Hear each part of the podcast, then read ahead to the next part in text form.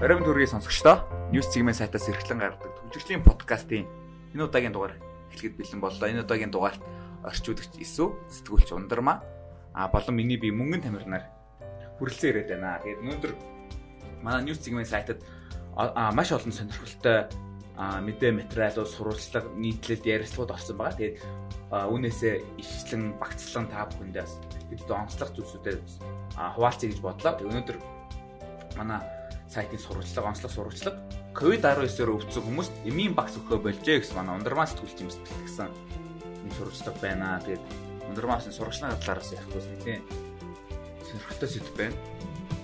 Нэг хэсэг бол нөгөө анхаас баяр шинжилт тэмдэглэхээс өмнө бол халдварын тохиолдолд хоногт бүртгэдэг халагдах тохиолдлууд буурч исэн.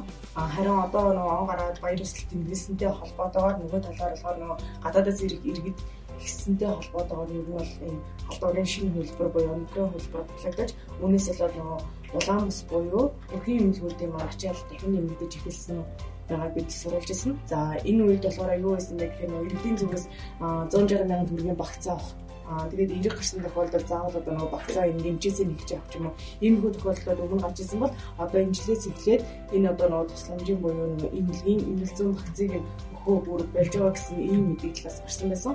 Тэгээд нөгөө иргэдэн тэр талаар хангалттай мэдээллүүдээс болоод өрхийн имлэг дээр очиод нөгөө вакцины хийх юм уу эсвэл энэ ч одоо нөгөө иргэдийн хооронд үйл ажиллагаацал үүсэх ийм асуудлууд бол нэлээдгүй ажиглагдж исэн. Үүнээс гадна өрхийн имлэг дээр яхаа аргагүй нөгөө халдварын бүс усан гэдэг нь илтгэж байгаа. Тухайлбал одоо нөгөө тусгаарлах өрөөнд нь маш олон хүмүүс одоо нөгөө хөгжүүлсэн шинжилгээ өгөөд үүнээсээ өдөрт 40-оос 70 тохиолдолд ирэх гарч батлагдж байгаа ийм зүйлсүүд байсан.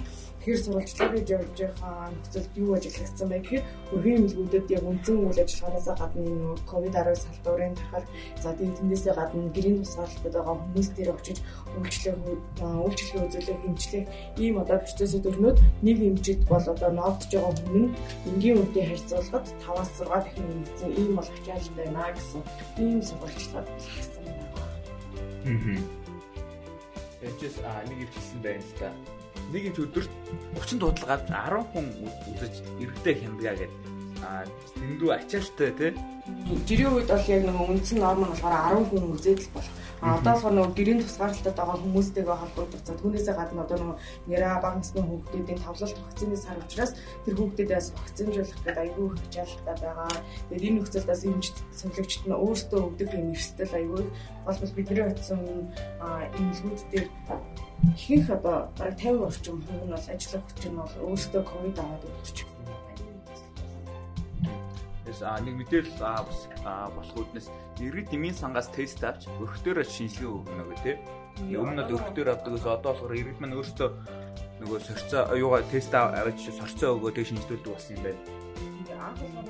Тэр болохоор 20 30 юм тест цаанаас нь ингээд улсаас өгөөд тэрүүгээр ингээд хүмүүсийн нөгөө маань буюу нөгөө өдөрт тогтоох юм лимит тогтоож гисэн хүмүүсийн ингээд шинжилжсэн бол одоо хүмүүс зөвхөн өөрсдөө ингээд хөгжүүлсэн тестээ аваад түүгээр болохоор өрхийн имлэг дээр очиж өөрсдөө ингээд эрэг үүсрэгүү гэдгийг үзнэ гэсэн.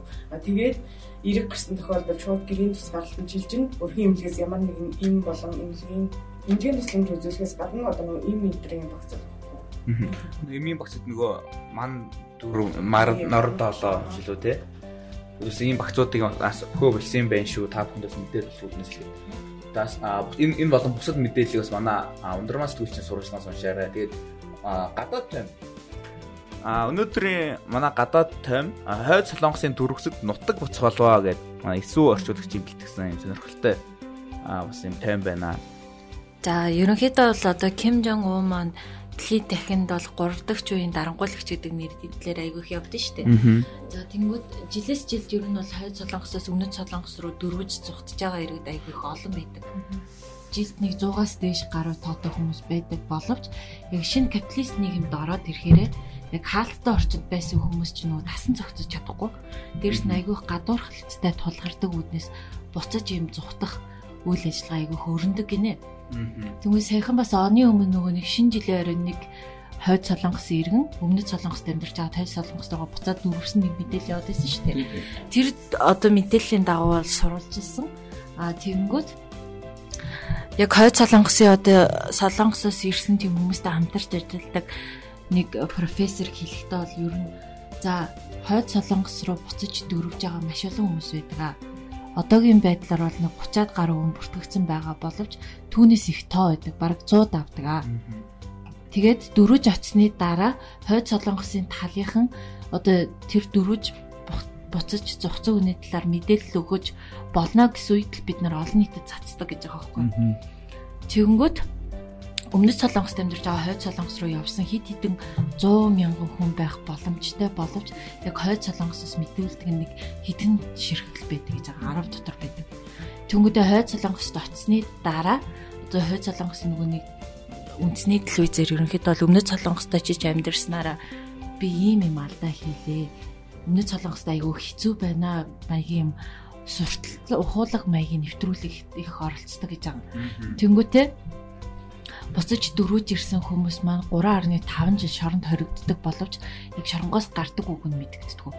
Тэндээ тэндээ өгч болно гэсэн үг юм шүү дээ. Ерөнхийдөө бол хойд солонгосын шоронч айгүй хэцүү шүү дээ. Тэгээд яг одоогийн байдлаар яг энэ сурвалжлагын дагуу ингээ яваад үзэхэд хойд солонгосоос дөрүүд дөрөөд өмнөд солонгост ирсэн нэг сурвалжлагч хэлсэн байдیں۔ Тэгээ би залуудаа өмнөд солонгост ирсэн. А гэхдээ би бол нутагтаа буцахыг айгүй хүсдэг. Учир нь Миний нутагт гэр бүл минь байгаа хайртай хүмүүс минь байгаа. А дээрэс нь өмнөд солонгост аягүй их гадуурхалттай тулгарч исэн. Тэгээ би буцаж очих гэж үзсэн боловч яг хилийн цаг дээр би бодлоо өөрчилсөн гэж байна. Яагаад гэвэл өмнөд солонгосын тийм хатуу хүнд ийм амьдралын нөхцөлд ингээд дасаж чадахгүй ч гэсэн хойд солонгосоос хамаагүй дээргээд буцаж явж исэн гэж байгаа байхгүй.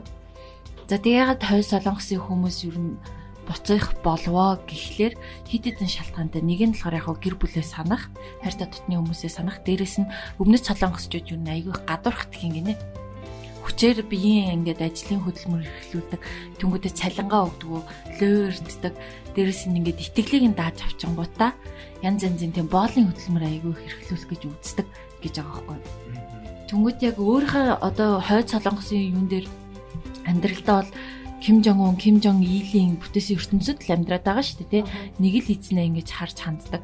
А тэнгүүд өмнөд солонгост ороод ирэхээр арай эрхчлөлтөй болоод ирэнгүүт нийгмийн дарангуул хамаагүй илүү нөө хурц тосдог болохоор хүмүүсийн сэтгэл зүйн асуудлаас болоод айгүй их шантраад буцахыг хүсдэг гэсэн утгатай юм тойм байгаа тий.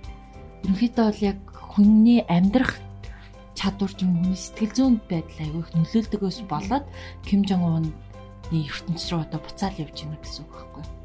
Аа. Өстөр нөгөө хойц лонгос өвс лонгос чинь баг аялгаараа л би наа мэдчих юм шүү те. Тэгээд тий аялгаараа аялгаараа танигдчихдаг. Ер нь тэгээд аж амьдрал бүх юм бүр эрсдээс ялгаатай учраас тэгээд. Одоо хойд умартаас өмдлөөд өрөвж байгаа хүмүүс ер нь танигдах амар тэгээд үүнийхээ улмаас ялгуурлан гадуурхдаг. Ялгуурлан гадуурхдаг. Одоо жишээ нь ганц хоёр үгэндээ штэ. Өмнөд солонгосчууд ч заримгийг бол айскрим гэл ингээл хэлжтэй штэ.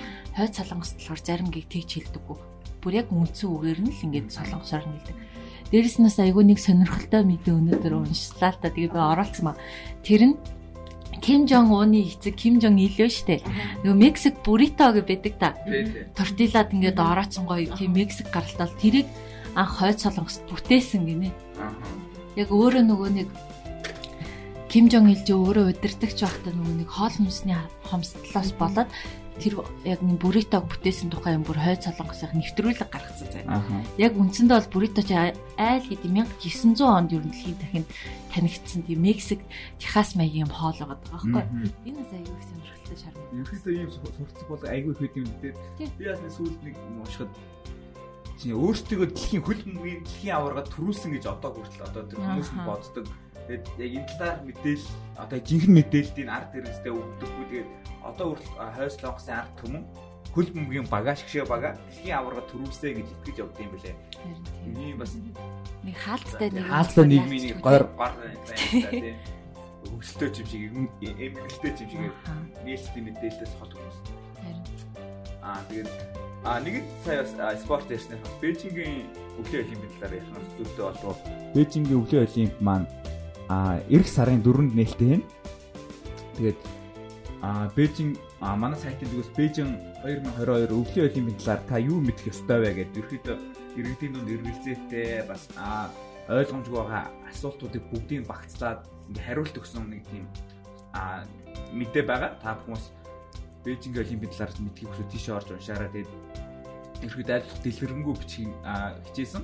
Одоо юу болоод байгаа ямар ямар усууд бойкот хийгээд байгаа ямар ямар усууд баг тамирчтай илгээхгүй болсон. Тэгээ Монголын бас баг тамирчдын хувьд бас ямар нөхцөл байдалтай байгаа талаар бүхэл мэдээллийг багслаад оруулсан байгаа шүү. Тэгээ та бүхэн орж уншаарай.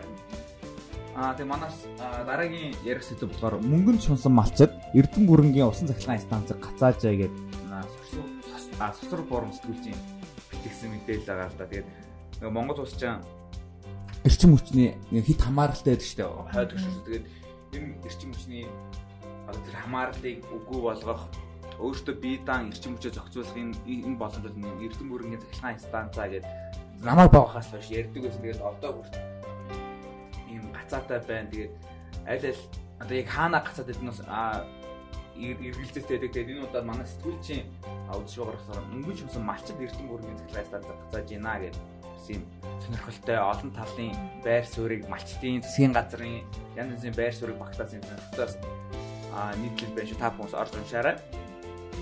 Тэгээд ер нь 7 хоног гэлтгүй нэг сар гараад омикрон Казахстан хоёроор дэлхийд дахин амьсгалж явах шиг байна. Тэгээд өнөөдөрсөн омикроны талаас дурдахгүй байж болохгүй байна. Тэгээд манай гэрч сэтгүүлчийн аа бэлтгэсэн омикроны давалгаа сурагчдын амралтыг дахин сунгах шалтгаан болох уу гэдэг.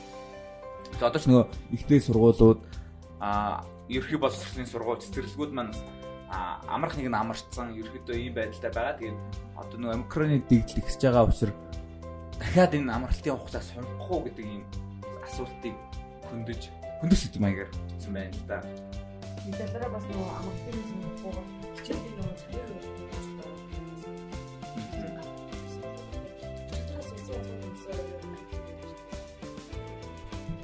Ерөнхийдөө усан сул комиссийн зүгээс а болохоор нийтийн дээр хөл хориор ч юм уу а онц байдал заарлахгүй гэдгийг хэлсэн. Яг яг засгийн газар бол усан онцгой комисс үүний эсрэг байгаа гэдгийг хэлсэн. Тэгээ өнөөдөр болохоор а боловсролын яамны сайд их хамгаалан ихтэй 5 9 хүн зарчмаар хичээлж магадгүй гэж хэлсэн байлээ. Тэгээ нөгөө намрынхаа Тэгээ намрынхаа хуучин зарчмаар хичээлж болно. А хичээж магадгүй гэсэн. Ямарсан нөгөө хамгийн гол нь ингэдэг байгаа байхгүй юу?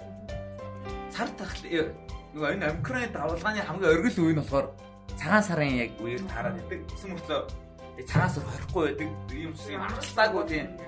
Тэгээ авчлаагүй яг ийм шийдвэрийн дараагаар яг үргэлжлээ хичээл яг учраас энэ чинь нөгөө юм халдвар улам тэдэг улам гэсэн юм юу байгаа байлээ. Эрсдэл байгаа юм байлээ. Тэгээд үүнийгээ доод эрүүл мэндийн салбарч хэрэг нөгөө халдварын дархалт гэсэн бол эрүүл мэндийн салбар ачаалаа дийлэхгүйгээр мэрэгжлийн хүмүүс хэлдэг ямар ч сан тэгээд одоо хүртэл энэ тоймтой шийдвэр хариулт байхгүй байна тэгээд юу гэсэн албан шийдвэр гаргах юм хэлээ. Чимаар хэрвээ явах юм бол хүүхдүүдийн хоцрогдол улам ингээд ер нь ингээд хоцрогдол нэмэгдээд л байх хандлагатай нэг талаар болохоор эцэгчүүд гэсэн хэлжсэн шүү дээ. Манайх намраа одоо болбол 5 старч маар хичээлж нэлээд энэ сурвалжлаа болтгсон. Тэр үед болохоор нөгөө эцэгчүүд багш нарын зүгээс үү гэхээр аль болох танхимын одоо 100% хичээл хийсэн хамаагүй одоо энэ дөрөвтэй тэнцүү шийдвэр гэж үзээд байгаа. Гэхдээ яамнаас эрүүл мэндийн яам боловсролын яамнаас үзэхдээ болохоор ер нь цар тахлыг бодоод энэ техникийн цахим хосолсон юм зүйлтэй гэж үзээд байгаа тийм. Аа за манай дараагийн сэдв болохоор арчлалтай холбоотой юм л да. Тэгэхэд а Мянмар болон Монголын арчлалын алтан хараа цаануудын талаар юм уу да. Одоо Мянмарын одоо арчлалын нэлийн том төлөөлөгч Ан Сан Сучи дахин 4 жилийн хойр хял авлаа гэсэн ийм мэдээс өнөөдөр гарсан байна.